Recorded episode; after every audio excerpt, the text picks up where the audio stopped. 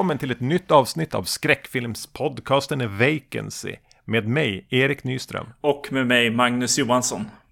Vilka filmer ska vi prata om i det här avsnittet? Vi ska prata om The Invisible Man Appears från 1949 och The Invisible Man vs. The Human Fly från 1957. Det här var väl någonting som ramlade ner i knät på oss eh, under slutet av förra året.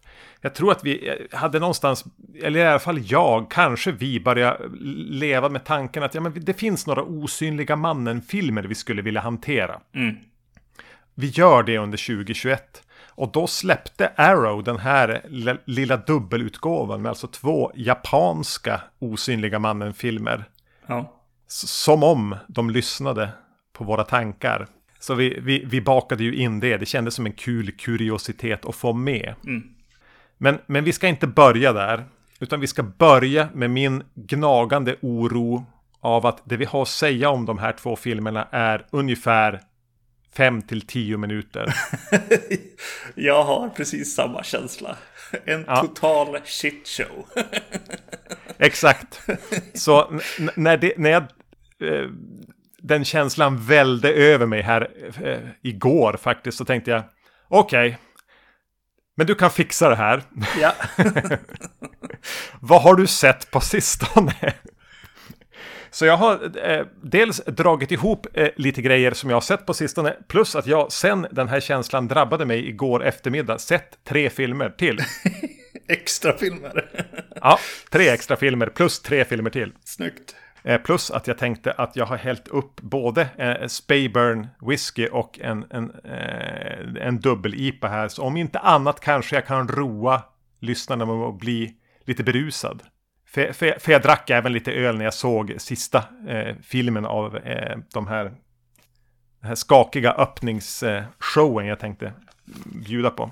Jag pratar om filmer och du ser hmm, hmm, hmm. Men, men jag delar upp det här i tre delar också. Mm. Det här är alltså filmer som jag har sett. Kanske inte du, eller första filmen här som jag tänkte nämna vet jag att du har sett. Som jag såg häromdagen. Mm. Eh, Knife plus Heart. Med Vanessa Paradis. Nej, nej. Du har inte sett den? Nej, jag har inte Du har bara föreslagit att vi kanske eventuellt borde prata om den på podden. Precis, exakt. Ja, vad va, va har du fått för uppfattning av den? Någon slags eh, giallo-doftande sak, tänker jag att det är. Ja, kanske. Jo, jo, mm, jo. Det är väl... I viss mån. Ja, men då håller jag mig väldigt kort där. Mm. Men det är ju, vad är den från 2018 kanske? Just det. Eh, fransk film med då Vanessa Paradis i, i huvudrollen. Mm.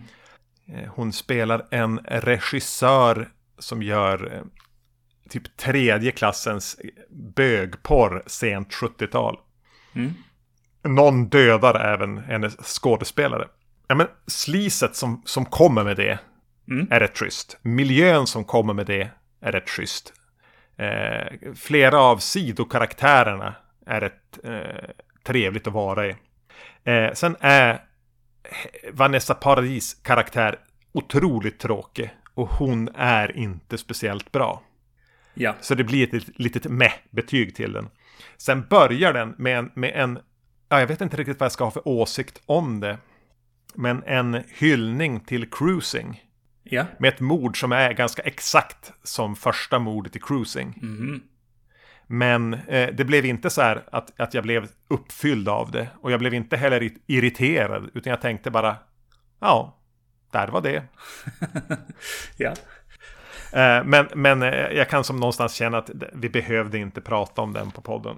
Ja, okej. Okay. Sen tänkte jag att vi tar mitt, mitt ambitiösa projekt här, min, min, trilogi avklarad på under 24 timmar. Mm. Jag vet inte, du kanske har sett någon av de här tre filmerna. Det här är min Man-trilogi. Ja. Lite initierad av att det i höst kommer en film som heter The Empty Man. Jag vet inte om du har sett någon trailer eller någonting. Nej. Jo, precis. Ja. Nu såg jag någon slags eh, poster framför mig. The Empty ja. Man. Ja, nej, jag vet inte. Det var Emil som skickade den trailern och sa, men den här då? Mm. Eh, och mitt, mitt, mitt så här omedelbara eh, självhatsskämt var Jaha, har de gjort en biopic om mig? Nåja, eh, den fick mig i alla fall att tänka på att det, det har ju kommit en del sådana här bla bla bla man eh, på sista tiden som känns som slask. Mm. Du menar typ The Tall... Nej, inte The Tall Man. The... Ja, jag kommer inte inte The Thin Man heller, även om de säkert kommer. Men mm. eh, jag har då sen igår kväll sett The Bye Bye Man, Slender Man och eh, The Midnight Man. The Bye Bye Man, det var den jag tänkte på. Uh, mm. yeah. Eh, de finns att streama allihop om man är intresserad. Jag tänkte säga någonting om alla. Har du sett någon av de här? Nej. Men Slenderman eh, är det svårt att inte ha en relation till i alla fall, eller känna till. Nej, precis. Eh, Bye Bye Man kommer 2017. Titelkaraktären skulle kunna vara en bror till Slenderman. Ja. För de, de både ser lite likadana ut och jobbar lite på samma sätt. Eh, när jag såg den så kunde jag inte låta bli att försöka laga den lite grann. Vad nu det skulle vara bra för. För även om jag lagade den här filmen så skulle den fortfarande inte riktigt vara värd att se. Men, men ändå, de tre saker jag skulle ändra på utifrån det, det man ändå har jobbat med. Det är titeln eller namnet. Mm. The Bye Bye Man är inte speciellt intressant. Särskilt inte eftersom det verkar vara något som sätter sig i huvudet på någon. Och man ska inte, don't say it, don't think it, upprepa dem som ett mantra. Och så typ hej då mannen. Nej. Alltså för det, ja. ge, ge karaktären ett riktigt namn. Jag tänker det går alldeles utmärkt. Jag har haft flera namn på film eller bokkaraktärer i huvudet bara för att de fastnar där. Mm. Chester Copperpot i eh, The Goonies är ett bra exempel. Ja. Jag, jag, kan inte få det namnet ur huvudet. Varför kunde inte The Bye Bye Man ha hetat Chester Copperpot? The, the, the Babadook. Ja, det är också ett intressantare namn. Ja. Eller bara typ, eh, nej jag vet inte. Men det, det går att göra mer. Byt namn på honom. Sen eh, om man ser filmen, gör om designen på karaktären. För guds skull, gör om designen på karaktären. Ty, ty, tydligen finns det en backstory. Den är baserad på någon eh, novell eller roman eller vad det nu är. Och då finns det en ganska avancerad backstory till The Bye Bye Man. Men i och med att man aldrig ens är i närheten av att prata om det i filmen så blir han bara märklig. Mm. Och då hade det kanske varit bättre att göra någonting annorlunda med den här gestalten. Eh, sen skulle jag ha vävt ihop idéer, för de är en del, det här är typ college-studenter som, som köper ett hus off campus för att dela på för att de vill hellre bo där av någon anledning och det är där de här onda saker börjar hända. Mm. Eh, så de är ju mycket på, de pluggar och de är på föreläsningar och liknande. Och, och det finns spår av att eh, lite, lite filosofi där och idéer som de hör på föreläsningar och till och med diskuterar sinsemellan. Det hade inte behövt så många scener, så mycket tankekraft för att väva ihop det på ett snyggt sätt med vad The Bye Bye Man kanske står för. Om man hade gjort det hade den fortfarande inte blivit bra, men den hade blivit bättre. Men, men, ska jag ändå säga, den är ingen så här, jätteurspårning. Den finns på Netflix. Det går väl, det går väl bra att se den. Ja. Men eh, då är jag snäll samtidigt. jag är ju känd för det. Ja. Slenderman. Mm. Du har inte sett den heller. Har du sett den här dokumentären då om de här Slenderman-morden? Nej, nej. Jag har Men du har hört, hört du på som poddar. lyssnar på True Crime-poddar, ja. Precis. Om de här två tolvåriga flickorna som för, försökte hugga ihjäl sin kompis Ja. som ett offer till The Slenderman. Precis. Eh, den här filmen handlar ju inte om det, utan den handlar om den här creepypastan eh, Photoshoppa in något otäckt i bilder grejen. Sen hände de här morden och sen gick det några år och sen bestämde sig något filmbolag för att försöka casha in på fenomenet Slenderman, vilket kändes lite sent va? Så här 2017. Ja, precis. Det hade kommit spel och annat också redan. Liksom. Så att, Ja. Och inte hantera det här, de här, alltså mytosen och hur den påverkade och de här flickorna, vad de hade gjort. men, men alltså, jag vill bara fråga om filmen här. Men är det mytosen liksom som är där? Men, eller är internet och creepypasta liksom med? Ja, både och ska jag säga. Det är ju någonting som existerar på internet det här. Ja. De mixar liksom lite Ringu, lite Elm Street och lite kanske med god vilja It Follows. Mm. Så de snubblar ju över något på internet som man inte ska se. Eh, men är det sant det här det pratas om? Eh, och sen bygger de en backstory. Men det som har hänt här, alltså jag förstår inte den här filmen, den är ju ett fullkomligt trainwreck. för, tydligen, för tydligen så har ju någon gått in och gjort en film, en film som kanske har varit lite gutsy, lite våldsam. Lite trots de här rättsfallen, alltså den, med de här flickorna. Mm. Och sen så har de när, de har, när de är klara, på något sätt fått eh, kalla fötter. Ja. Och bara det där vi tänkte när vi hade suttit ute och shotta Sambuca och, och, och bestämde oss för att greenlighta det där manuset. Det är kanske inte en sån bra idé. Kan vara så att folk blir irriterade, arga, att vi får en jättebacklash. Mm. Klippa om skiten, tona ner. Vilket gör att eh, den blir ju ett, ett enda stort ingenting. Den har inga regler, det händer nästan ingenting. Eh, man har valt liksom att fylla upp det man då har klippt bort med ingenting alls. Alltså trådar bara försvinner ut i ingenstans. Det är mycket så här dimmiga träd och så här knäckiga, knakiga Blair Witch-ljud. Mm. Och så några karaktärer där inne. Men, men stämningen i filmen, alltså det kändes som att de har varit och skurit så mycket i, i den här filmen och plockat bort så mycket delar. Att de samtidigt har måste ge det här stackars offret till film så mycket smärtstillande och lugnande att den har blivit helt dåsig och dämpad och inte kan hålla ihop någonting. Den är som bara ett paket som ligger där och har ha ett blodomlopp men ingenting mer. Mm. Det, en, det, skulle gå att prata jättemycket om det här. Och om vad som fanns eh, i trailern som inte är med i filmen. Om hur man tänkte, om de här verkliga fallen, om fenomenet Slenderman. Om en jättemalplacerad eh, voiceover alldeles innan eftertexterna som är nästan som att den uppmanar Antingen så säger den Oh, beware, he's still out there. Eller så säger den Men sluta hålla på och följa sådana här dumma internettrender. det är jätte, jätteluddigt och det är nästan lite intressant. Ja. Men, men, som en film, alltså den håller ju inte ihop som en berättelse. Det finns inga regler i den. Det är bara en, en, en dåsig, märklig... Ett, ett trainwreck. Mm just alltså, att studera den som ett fenomen, ja, den kanske har ett värde i det. Men som film är den ju sämre än The Bye Bye Man. Ja. Jag skulle vilja se The Bye Bye Man versus The Slender Man. Ja, just det. De skulle försöka söva varandra, mm. tråka ut varandra. Och i, det finns inga regler så de kan göra precis vad som helst. Ja. Eh, sen, sen då såg jag, lite på uppmaning då återigen av Emil, att se The Midnight Man. Just det.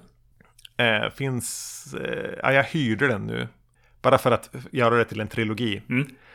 Eh, det är ju en annan typ av historia. Och jag ska säga rakt ut att det är ju den klart bästa av dem. Även om den inte är, fortfarande är ju inte jättebra. Det är tydligen också en creepypasta. Okej. Okay. Som, som har, de har spunnit något slags historia kring. Anledningen att Emil tyckte jag skulle se den, att han har sett den, är ju att Robert Englund är med. ja. Eh, men, men, men om jag skulle beskriva den så är det en liten mix av det här. Eh, den tror jag finns på Netflix. I am the bla bla bla who lives in the house. The pretty thing that lives in ja. the house, ja. Ganska arthouse, eh, eh, hemsökt husfilm. Den har jag sett. Tänk, ja, det visste jag. ja. tänk, tänk dig lite den, lite House of the Devil, i alla fall i början, och lite typ Conjuring eller någonting. Mm. Eh, sen håller det väl inte riktigt det hela vägen ut när typ Wishmaster dyker upp under andra halvan av filmen. Men, men ändå, den, den, den, den har en mer genomtänkt ton, den har tydligare regler. Vi får se Robert Englund och Lin Shay slåss. Det är bra. Ja. Jag ska inte säga vem som vinner. Ja. Eh, och Lin Shay får ju göra sin grej. Jag menade inte att rimma. Som är lite skoj, alltså. Men hon, vadå? Någonstans när hon gick in i pensionsålder, mm. då breakade hon. Mm. Och fick vara en lite otäck tant eller en ett, okult tant eller vad det nu är hon är i Insidious-filmerna. Hon är rätt bra på det. Mm. Hon har en uppsyn och en röst och bara en närvaro som är lite otäck. Ja.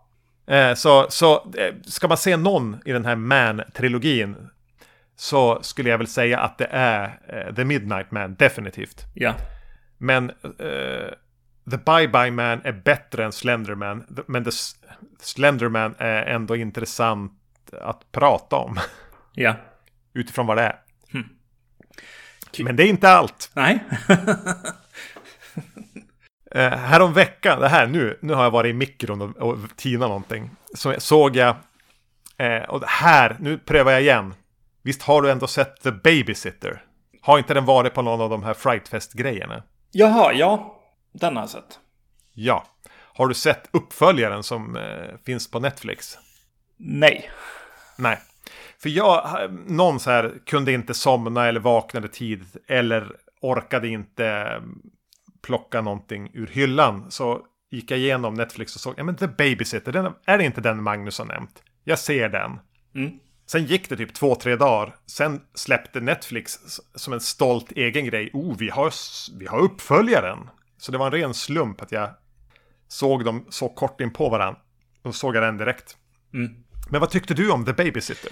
Um, undrar om jag har två i mitt huvud nu. Det här är alltså han som, har en, han som är lite för gammal för att ha en barnvakt. Och, och det visar sig att hon eh, har en okult sekt för sig. Med hon från Ready or Not som eh, barnvakten. Just det.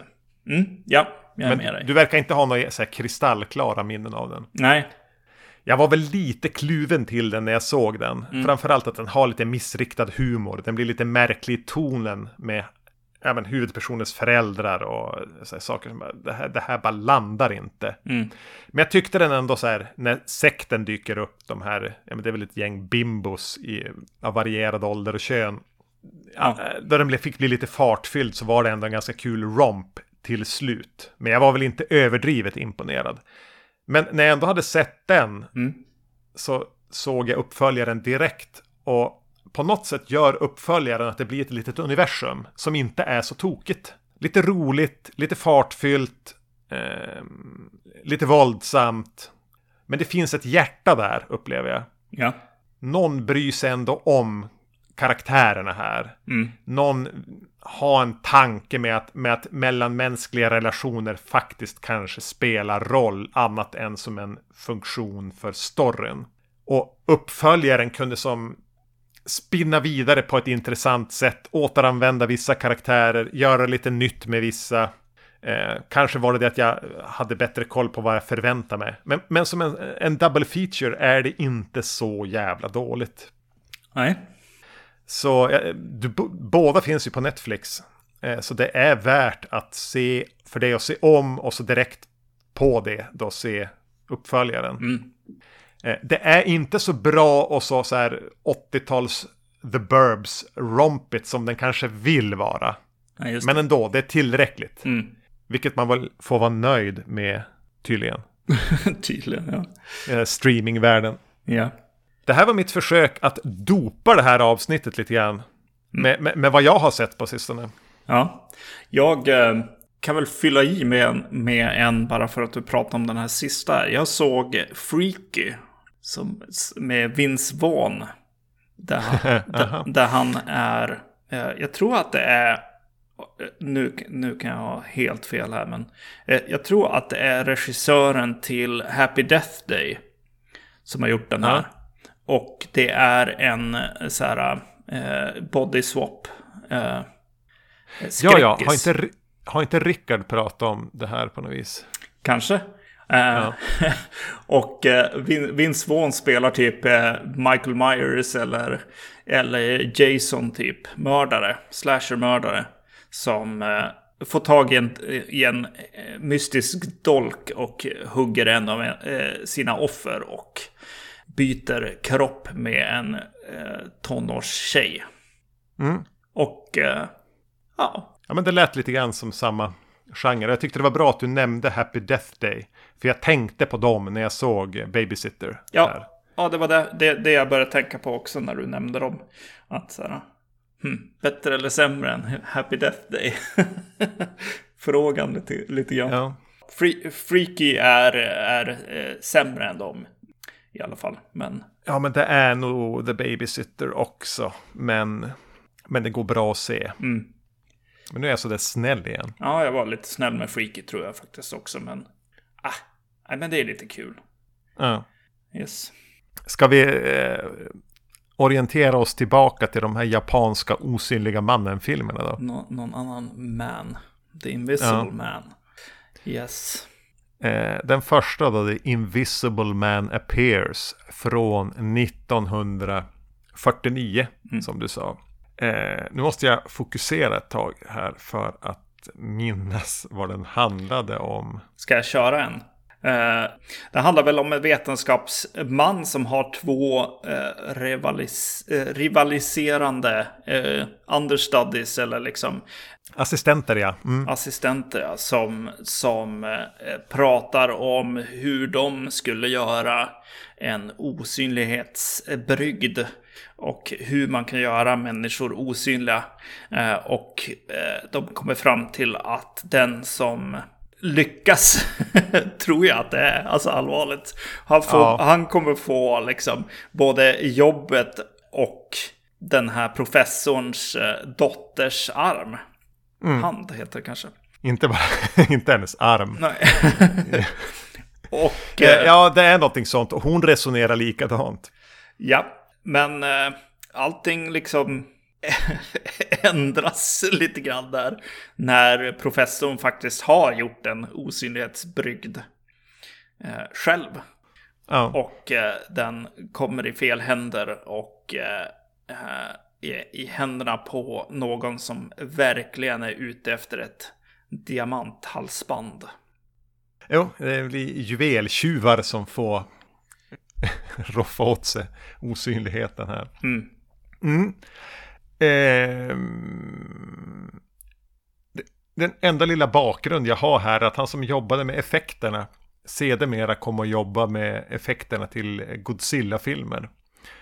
Eh, Och jag har även förstått att det här var ju ett Japan under återuppbyggnad efter att ha lidit svidande förluster Mm. i andra världskriget. Däribland två atombomber i huvudet. Så det var ett ganska sargat land och en ganska sargad filmindustri. Mm. Men av någon anledning så hakade de på den här osynliga trenden. Eh, och det är ju tydligt att de har blickat mot eh, Universals filmer. Då eh, de använder sig egentligen av samma ja, men, eh, maskering eller vad man ska kalla det för. Med bandage, solglasögon, hatt och, och den biten. Eh, precis, exakt. Och, och mycket av, av effekterna som har med osynligheten att göra är ju, är ju också kopierade eller liksom samma. Ja, svårt att avgöra kvaliteten på dem eftersom kvaliteten på själva eh, filmmaterialet är så ojämnt. Och kanske framförallt är det sämre i samband med effekterna. Mm. Men det är inte, man kan ju inte komma och säga att, att japanerna tog det till nya nivåer. Verkligen inte. Nej. När de här två rivaliserande assistenterna står och pratar om hur de har, har tänkt att man skulle kunna göra någon osynlig så tycker jag att, att, att eh, den första här, han man tänker nästan skulle vara the bad guy. Mm. Han känns lite stramare, lite, ja, jag vet inte vad, lite äldre också är väl, inte lika omedelbart eh, handsome lead-kille. Han har en idé om så här mörk materia och om man kan göra någonting tillräckligt svart så går det inte att se. Nej. Det tyckte jag var ett spännande Ja, sätt att, att hantera osynlighet. Den filmen hade jag velat se. precis. Det är så, så mörkt att det inte går att se överhuvudtaget längre. Nej. Jag tycker den är bra. Men det är avhandlat i så här 20 sekunder, hans lilla så här, anförande. ja. Sen avfärdas det. ja, precis. Nej, man tänker istället att eh, det är osynligt. Ja, men lite Slipper så. du skuggor och sånt. Jo, just det. De, de kom på, men, men tänk på skuggorna. Så här. Man måste göra det liksom transparent istället. Och så bara, ja, jo, det är lite mer i linje. Men det, där, men det där mörkret liksom som blir så mörkt att man inte kan se det längre är ju mycket mer spännande på något sätt. Ja. Mm. Alltså, ja, vi var inne på det i början av avsnittet. Det, eh, det, blir, eh, det blir ett eh, liksom eh, trist kanske som en skräckfilmspodd också eftersom att det är en juvelheist liksom som vi tittar på och eh, att det är inte så himla kul förutom kanske den dialogen. Eh, mm. Som är mest spännande i filmen egentligen. Och eh, eh just att den här skurken, eller vad man ska säga, får ögonen på de här juvelerna. Och blir eh, trollbunden där. Där, där blev det så här, nej. Nej, det var, det var fel sväng tror jag. För mig att eh, åka med. Köra ja, men det blir en liten, det blir en liten tv-känsla över det. Mm. Jag vet inte, om, om, det finns ju en osynliga mannen tv-serie från 50-talet. Och jag tänker att det här skulle kunna ha varit, om man hade rensat lite grann i karaktärsgalleriet, vara en, eh, ett avsnitt av det. Mm med någon här juveltjuv som vill bli osynlig eller utpressas till hjälp av någon som är osynlig. Ja.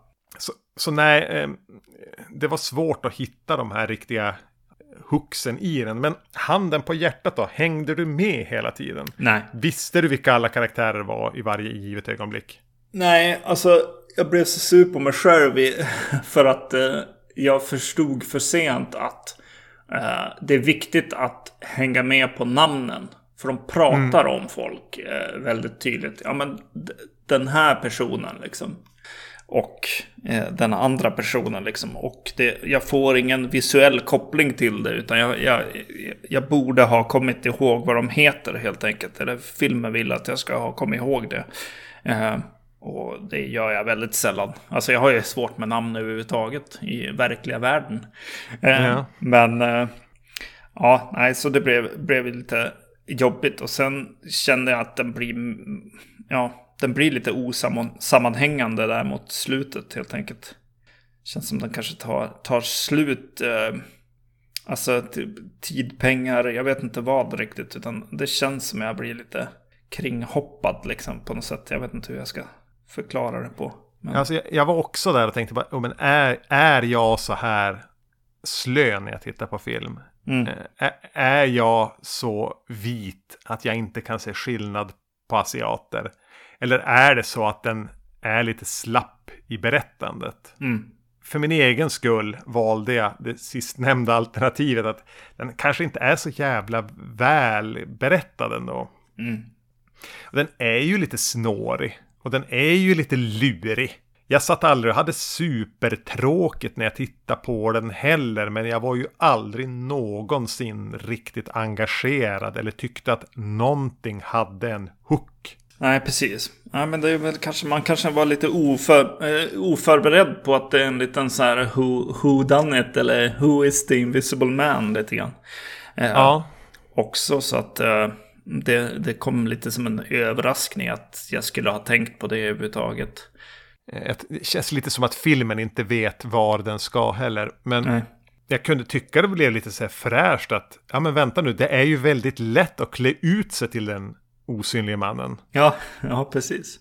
Vilket, vilket någon nyttjar här för, för, för att, jag vet inte om det är meningen att lura polisen eller vad det är de gör. Mm. Men bara linda in ansiktet siktet i bandage, ta på ett par solglasögon och alla tror att du är den osynliga mannen. Precis. Det är ju lite skoj att, att, att få så här tidningsrubriker som ställer till med elände i, i, i hela landet nästan får man ju känslan. Mm. Jag brukar säga det här tror jag i Invisible Man eh, avsnitt, men jag, jag gillar eh, tanken på att vad det, osynlighets liksom serumet gör en aggressiv och och ja. eh, lite arg och så. Att de har kvar det här tycker jag är, är bra. Sen, sen kanske det inte liksom kommer något vredesutbrott egentligen. Så Men eh, de har det i alla fall på sin checklista. Precis som att hundar ska skälla på The Invisible Man och sådär. Det är några mm. grejer liksom från historien så att säga. Som ska med. Eh, och så gillar jag... Alltså jag vet inte ens om jag gillar det. Jag tyckte att det var lite ambitiöst i, i alla fall med att eh, kameran ändå rör på sig så mycket ja. som den gör i, i filmen. Eh, det, det kunde kännas eh, trevligt att titta på i alla fall. Den åker runt och letar upp vinklar och in genom, titta in genom fönster eller liknande. Det är ganska mycket låg handhållen kamera. Mm. Jag tror att, att just fotot var nog det jag kunde gilla mest Ja. Eh, att, att det får vara ganska organiskt och levande. Och det är ju ett 4-3-foto, men den är från 49. Mm. Eh, men de väljer ganska ofta att försöka hitta kompositioner som rundar av bilderna. Det känns Mm. nästan som man tittar genom en cirkel hela tiden. Det kan vara några träd eller hur karaktärerna står eller Ja. eh, någon möbel som, som rundar till och gör det lite elliptiskt hela tiden. Och det, kunde, jag- det gav en viss känsla. Mm. Eh, Så för mig var nog just liksom det här mixen mellan handhållet och relativt stadigt och hur man försökte genomtänkt komponera det för att bli runda hörnen på något vis. Mm. Det, det, det var det jag eh, till slut satt och tittade på mest. För att, för att eh, nej, jag kan inte säga att storyn är kass sådär, men den, den roade mig verkligen inte alls. Nej. Nej, jag tyckte också, eh, ja precis, jo men fotot, eh, kameraåkningarna och då blir en till åkning och det, är- det är när poliserna samlas och kör lite fordon och sådär och ska till ett hus eh, och det får bli lite större liksom. Eh, f- event av det hela. Eh, det uppskattade jag nog efter att ha, ha börjat bli lite uttråkad på filmen. Den är inte lång, eller den är ju så 80 minuter. Men den är kanske ett tv-serieavsnitt Mm. i, i vad de har för material. Mm. Men det känns samtidigt som att det, det måste ju ha funnits mer story här. Är, det är inte mycket extra material på den här utgåvan, eller? Nej, exakt. eh, ja, han som har en liten genomgång av, av The Invisible Man, liksom genren på något sätt. Det känns som att han, han också har lite svårt med att komma fram till, till eh, vad, vad man ska prata om. Så det var inte så bra extra material heller. Det, jag slutade se på hans, hans genomgång där. Eh, för det, det, var kom de här ifrån? Vad var tanken? Vad var... Varför just Invisible Man? Mm. Jo, man vill, man vill veta mer på något sätt ändå. Med tanke på att det är så eh, kopierat. Jag menar, jag vet inte om boken har den här karaktären på något omslag eller så. Eller om det är en novell eller vad det är. Liksom att, att det, det finns en viss look för den. Ja, det, i och för sig i texten finns det ju såklart. Eh, men det känns... Det känns ju som att det är tittat på filmen. och eh, och Jo. tagit eh, liksom och gjort, gjort sin egna grej liksom. Eh, Eller en fortsättning kanske man ska säga. Och det, det är ju intressant. Hur kommer det sig? Jo men, alltså Japan var ju inte så isolerade kulturellt ändå. Vid den här, även om de hade varit i krig med USA här. Så, jag menar, man- den, den jag kan, den som alla känner till, Kurosawa. Mm. Tittade ju på sina tidigare filmer, ser man ju tydligt att han har tittat på en hel del film noir. Mm. Och eh, han var ju jätteförtjust i sig John Ford eh, westernfilmer. Och menade ju själv att hans Sju samurajerna var ju jätteinspirerad av amerikanska westernfilmer. Och sen gick ju som det där ett, varv tillbaka då när de gjorde westernfilmer inspirerade av Sju samurajer. Så jag tror ju att, att eh, det här var, den som gjorde den här filmen hade tittat väldigt mycket på, på Universal Horror. Ja, man är nog mer van vid att se det på, i, i Italien till exempel. Ja, precis. Det lär ju vara så, helt enkelt. Ja, det, det är lite av en gissning från min Mm. sida. Men jag tror att det är det bästa någon kan åstadkomma kring The Invisible Man Appears. Mm. ja, eh, jo exakt. Det är lite mer eller mindre grundade gissningar. Mm. Ja, ska vi gå vidare till The Invisible Man vs. The Human Fly från 1957 då? Det fick gå åtta år. Mm. Vilket också känns märkligt. Mm. Eh, Att, att om de ville jobba vidare med, med konceptet med en osynlig man, att, att det skulle ha kommit tidigare. Ja. Eh, och, och här tänkte man att, att ja, men hade The Fly haft premiär med, med Vincent Price. Ja, det, det ska vara målfoto i sådana fall. Mm. Att man har velat riffa på den då. Eh, återigen, massa frågetecken. Mm. Varför dök den här upp åtta år efter den andra förra filmen? Eh, varför dök den upp här? Eh, en versus-film tänker jag kommer lite grann från att, från att de hade etablerat Godzilla-universum. Ja. Där Godzilla fick slåss mot King Kong och liknande.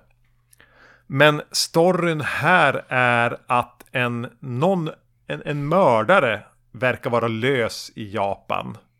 Tokyo är det väl. Delvis kanske med vissa intressen av att komma över pengar. Kanske. Men även verkar andra personer dö helt oförklarligt. Mm. Det finns inga spår efter en mördare.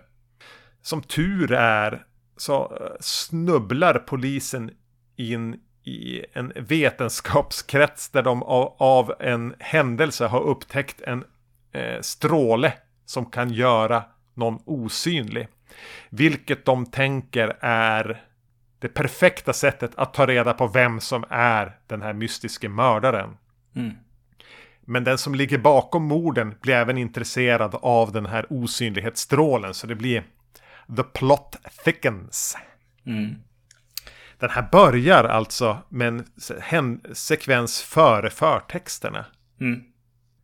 Vilket jag tänkte var lite ovanligt. Alltså de var ganska strama med sånt tidigare. Nu, nu har jag Hollywood-mallen i huvudet. Mm. Att först bara bränna av en massa förtexter så, vi, så, är vi, så, så är vi klara med det. Och sen går vi in i filmen. Men här börjar den med en händelse på ett flygplan. Där någon passagerare verkar må lite dåligt. Och hans, eh, vad ska man säga, säte, den, den han har suttit bredvid senan, senare hittas mördad. Mm. Och sen får vi förtexter. Och sen rullar vi in i polisarbetet.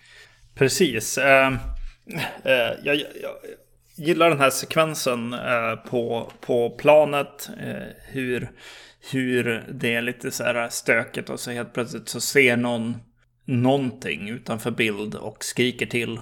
Och sen får vi se att någon ligger död. Man ligger död på, på, i planet. Och eh, ja, sen så är det ju förtexterna med... där... Eh, jag, jag visste inte att den här var från 57, att vi hade hoppat så, så långt. eh, Men eh, det är ju definitivt alltså, sci-fi. Eh, vågen har väl, har väl börjat här helt klart. För, för Ja. det är ju någon slags... Ja, jag, jag kommer inte ihåg vad, vad, vad eh, instrumentet heter. Men det låter nästan som en såg. Eh, spela på en såg liksom. Nu prövar jag ett ord här. Mellotron. Ja, precis, just det. Det, det heter det nog. Eh, De, det spelas friskt här på soundtracket.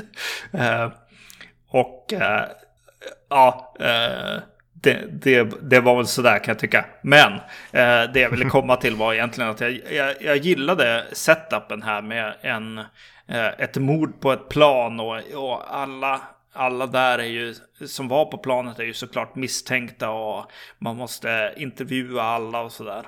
Ehm, och det är ju det är ganska spännande tills dess att man kommer ihåg vad filmen heter. Jo, hade den kunnat heta någonting annat? Ja, eller egentligen så hade man ju två misstänkta där då. Ja, jo. Antingen är det den osynliga mannen eller så är det en fluga. Precis, precis. Men... eh, eh, ja, det hade ju varit en kul twist liksom i slutändan. Eh, men... ja, nej, det blir, det blir lite, lite, lite synd på något sätt. För jag börjar nästan komma in i det, liksom. Ungefär som liksom, ett mord på ett tåg, liksom, eller så. Att, Ja. att det är ganska kul. Ja, men ställe och berätta en historia Ja. på, liksom. Så det låsta rummet, mysteriet. Mm. Eh, Men, men de avfärdar ju ganska snabbt att de går vidare från passagerarna från planet. Mm. Eh, Jag trodde också att vi skulle vara och presenteras för flera av dem. Men den enda vi presenteras för är ju den här äldre mannen som mår lite dåligt. Det visar sig att han har haft en tidigare hjärtinfarkt och ska typ hem från en föreläsning. Mm. Och det är ju där polisen då bara råkar liksom följa upp ett, ett, ett förhör med en misstänkt som leder dem in i den här världen full av vetenskapsmän som har råkat upptäcka någonting som kan göra någon osynlig. Mm. Eh, där är det ju lite på det här camp nivån. Alltså det, det är så slumpartat och det är osynlighet. Och det är ett, alltså laboratoriet som de går till hela tiden är ju en stor så här, matte painting satt över en skog som ser ut som alltså en rymdbas. Mm. Charmigt på ett sätt, men när sen större delen av storyn inledningsvis är de här frustrerade poliserna. Mm. Som jag kan gilla, jag kommer lite in i det. Ja. Eh, att de, vi kommer ingenstans, det verkar vara, de kopplar samman det här dödsfallet med andra dödsfall. Eh, och, och, kommande dödsfall och de blir mer och mer frustrerade och de pratar till och med om det att de är sen beredda att hoppa på vansinniga teorier. Mm. För att, ja, men vi kommer ju ingenstans vi, vi, då blir man i läget att man kan tro på vad som helst. Alltså de är där själva och pratar och de följer upp ledtrådar och det, det leder ingenstans. Just som så här snutfilm eller snutserie. Mm. Så tycker jag det är ganska, ganska habilt på ett sätt. Ja, precis. Jo, men det är väl också, det, det är väl kanske lite grann också med, vad heter det, med eh, Godzilla-filmerna på något sätt också. Att de backar ju inte för att ha liksom hela kåren eh, i konversationer eller i, i, i bild. Eh, alla jobbar på det här på något sätt. Ja. Och jag, jag, jag gillar det eh, i det här också. Att ja, alla snutar är lite frustrerade. Och sen så börjar de ju försöka eh, följa efter folk och sånt. Och, och en del dör liksom mitt framför ögonen på dem. Och, mm. eh, men de, de ser, ser, inte mördaren och löser inte liksom. Fast att de är så väldigt nära liksom. Ja, ja. Eh, jag gillar det. Och de, ja, och de är på den här nattklubben och, och harvar runt och kommer ingenstans. Alltså jag, mm. Mm. Det, det, är väl när filmen är i det som den är som bäst. Mm. Och ja, precis det finns en del snygga liksom. Jag tycker att setup och utförande av en del av de här morden är eh, ganska nice också. Eh, kanske ett av de första är en kvinna i en park typ, eller vart hon är. Eh, där en, ja. som en, hon är på promenad typ och så kommer en skugga typ och hugger henne i ryggen. Eh, på ett ja, häftigt, eh, häftigt mm, mm. iscensatt mm. liksom, vis eh, som jag gillade. Eh, och det finns någon till i någon tunnel där som, som man tänker att man ska se något men man missar det liksom. Eh, mm. Det är något lite otäckt med de här knivhuggen mot ryggen. Ja. Det är någon, någon annan som blir utsatt för det också i med inte lika subtilt. Eh, att den verkligen är någon som siktar på att hugga i hjärtat från rygghållet. Mm. Jo, det här, det här eh, mordet på kvinnan i så här, det omöjliga mordet. Det var ju fler, det fanns ju flera personer där. Det var dagsljus. Det var ingen hade kunnat komma undan. Hur gick det till? Grejen är ju också Återigen, om man lyfter bort titeln och vart det sen tar vägen är det ju lite kittlande. Mm. Eh, men när man sen applicerar titeln och hur det har gått till. Så kollapsar det ju liksom. ja. Särskilt när man ser den ganska så komplicerade processen för den här stackars mördaren att förvandla. Ja men okej, vi, ingen bryr sig ju så vi spoilar här. Yeah. Men han förvandlas ju inte till en fluga. Nej. Utan till en liten, liten människa. Som verkar kunna flyga. Ja. eh, och eh, var det någonting vi lärde oss av eh, The Bride of Frankenstein var det ju att jättesmå människor på film är en jättedålig idé. Mm. Det blir som bara fånigt. Eh, men han lyckas ju då på något sätt flyga runt som den här minimänniskan, göra sig stor i några sekunder, hugga några snabba knivhugg, göra sig jätteliten igen. Mm. Men när vi får se allt det här ske i, på något sätt framför våra ögon så är det ju som sagt var en komplicerad process med någon kapsel som ska öppnas och vatten för att bla bla bla. Mm. Så jag har svårt, alltså det, det går ju inte ihop. Nej. Och, och just det här camp-tjollret som det är. Ja. Limmar ju jättedåligt med det här frustrerade polisdramat som det är i övrigt. Ja, och så sen, alltså på det så kan jag tycka att vad mördaren i sig liksom sen börjar man ju göra den här campen på honom liksom. Men mördaren i sig ser ju härligt creepy ut.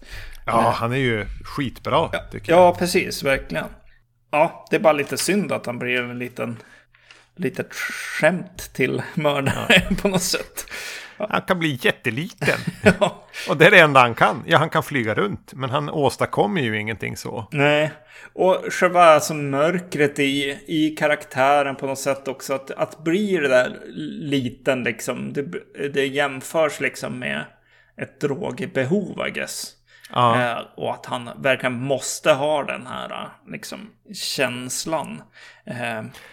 Det finns en, ett, ett rus eller en njutning i att genomgå den här, den här krympande grejen. Mm. Och ja, han är, ja men han är synd att vi får så lite av eh, honom. För han är bra mm. och intressant i det. Ja, det är lite synd. Uh, men sen, sen, är det lite roligt att så här, ja men hur, hur stoppar vi, alltså den, den, största fantasin för en polis liksom, hur, vad skulle det vara för att kunna liksom lösa alla brott och så här och verkligen kunna eh, liksom komma, komma närmare brottslingarna och så vidare. Och så bara, ja men os, om vi var osynliga, då skulle ju våran surveillance vara fantastisk liksom. Vi skulle bara kunna gå och titta vart som helst och ingen skulle upptäcka oss. Jag skulle säga att han i tunneln som följer efter den som blir mördad gör det. Med bara att han pressar sig mot väggen vid, vid, vid, vid lämpliga tillfällen. ja, precis. Just det. Men det är jättemärkligt. Mm. Jag, jag kan komma på tio andra övernaturliga förmågor som skulle vara mer gynnsamma för polisen än att kunna vara osynliga. Ja. Men men, det, får man, eh, det, det, är väl det man... Mm, det är väl där jag får problem också med filmen. Att det blir det här... Ja men gå all in på att tramsa då. Ja. Var lite fjantiga. För den har ju lite skojiga fjantiga element. Som den här vetenskapsmannen som har uppfunnit osynlighetsstrålen. Lite som en sidoeffekt har ju en assistent som prövar den på sig själv och så förklarar de någonting som jag inte hängde med på. Men så han blir ju ett, ett, ett huvud som, som far runt. Ja, precis. Han hade tjocka handskar och eh, en huva för huvudet. ja, när han blev utsatt. Så vi har ett så här floating head-kille. Ja. Som de inte gör så mycket med, med, mer än att jo men det funkar. Kolla, min kropp är osynlig. Mm. Så vi har ett huvud som guppar runt där och är med i dialoger på fullaste allvar. Mm. Eh, som också är lite tjollrigt. Tillsammans med då den där matte painting eh. Och att de börjar göra osynligt. Och så de här lite mer bestialiska morden. Och sen den minimänniskan. Så allting hackar ju som satan alltså. De spränger ett tåg och 790 personer dör. Är det så många? Alltså? Säger de i dialogen. Är det också flugan som gör det? Ja, precis. Ja. Eh, det, det, det, är lite mörkt. Det är jättemånga människor. Ja, det är jättemånga. ja, nej, nej, precis. Nej, men den är ju lite eh, överallt. Och det, det finns en, ja, om inte den osynliga mannen och eh, The Human Fly var med. kanske den hade varit bättre. Men då hade den varit helt försvunnen å andra sidan. Ja, då hade vi ju inte pratat om den här i alla fall. Nej. Nej. Men ja, alltså just i de här, den absurda spretigheten så är den ju lite skojigare än uh, Invisible Man Appears. Mm. Eh, som, men samtidigt så är det ju just att den väljer då att blanda ett polisdrama som hade riktiga poänger med supertrams. Mm.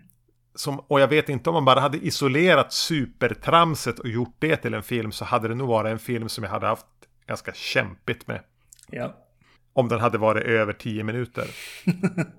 ja. Så jag vet inte. Jag, jag, kan inte säga vilken av de här två jag föredrar. Nej, den, den, den första kändes som att den hade något i, i manusarbetet och, och la lite, lite mer energi på karaktärerna eh, kanske. Även om, om själva drivkrafterna, liksom att få tjejen inte kanske är den bästa men eh, det fann, fanns någonting där i alla fall och hon hade liksom eh, några scener där hon funderar på vilken kar hon hon ville ha och sådär. alltså, i, medans i den här filmen så är det ju, är det ju mer själva händelserna och skeendena som, som eh, eh, gör filmen på något sätt. Mm. Men just precis, man kan plocka ut mer så här ögonblicksgrejer ur eh, Human Fly-filmen. Mm. som är, men där är rätt schysst, det där är rätt schysst. Men helheten är ju överallt. Ja, men du är inne på någonting, alltså bara för att, ja, ska, vad sa du, laga filmer. Eh, ja. Så är väl, alltså, det finns ju, och det är det, det jag har, det jag hela tiden söker efter när jag, eh, när vi ser de här Invisible Man-filmerna liksom. Det är ju mörkret i, i att kunna vara osynlig och inte synas och finnas och sådär. Så att de kanske skulle ha lagt liksom den här mördarens liksom vad som händer honom till osynligheten kanske. Att det skulle kunna vara lite mer och med, med kanske en liten creepy transformation också. Där man kanske ser insidan och sådär. Ehm, mm. Och, eh, och liksom foka där än att han krymper liksom. Det, ja, man blir inte bra. ja, hade det varit bättre om vi hade, om vi hade kastat om dem? Att mördaren hade varit osynlig och polisen hade varit en liten fluga. En liten fluga på väggen. Det skulle man ju vilja vara om man ska ha bra surveillance och sådär. Det ja, ju... då säger man ju fluga på väggen. Då säger man ju inte en osynlig man i hörnet. nej, nej, det är ju bara creepy. ja. ja. Jo, där skulle man verkligen ha velat vara en osynlig man i hörnet. Eller där skulle man vilja ha varit en fluga på väggen. För bilden blir ju alltså Erik som står naken och osynlig och halvsvettig med ett äckligt leende yes. upptryckt mot en bokhylla. Ja. Yes. Mm. Det är ungefär det, det, det, det creepy i det. Det är det jag söker efter. Jag, jag hoppas ja. vi kommer dit till slut i de här filmerna. Ja, vi får väl se. Mm. Det här var ju på något sätt någon liten så punkt också för, för kanske inte halvtid, men det här inför sommaruppehållet. Mm. För efter det här blir det lite luddigare. Du kommer eh, upp hit. Mm. Eftersom eh, covid är en ond dröm nu. Visst är det så? Blott en dröm. Yes. Ja, jag, ska, jag ska få min första spruta imorgon. Om jag kommer ihåg nu. Nice. Eh, och då vet vi inte riktigt vad vi hittar. Alltså, Eh, om vi kommer ha samma takt på, på att släppa avsnitt, om det ens blir någonting, det beror lite på, på ödet eller på om jag förvandlas till en krokodil av det här vaccinet. Så vi får se helt enkelt. Det, det enda jag vet att jag har en, en, en, ambition att vi ska åstadkomma, det är till kommentarspår. Ja. Och det kan vi väl bara kasta ut att eh, det kommer att vara eh, fredagen den 13 del 2. Yes. Kanske blir det något mer, kanske inte, kanske dröjer det ett tag. Vi får se. Yes. Så ni får försöka härda. Yes. Eh, jag passar då också på då att säga eh, natt och dimma får ni inte glömma. Om ni inte kan få nog av våra honungslena stämmor eh, så har vi i alla fall släppt ett avsnitt i våran spin-off-podd där vi pratar film noir. Så den kan ni ju leta upp på ställen där man hittar poddar. Yes. Ja, ha det bra. Hej. Hej.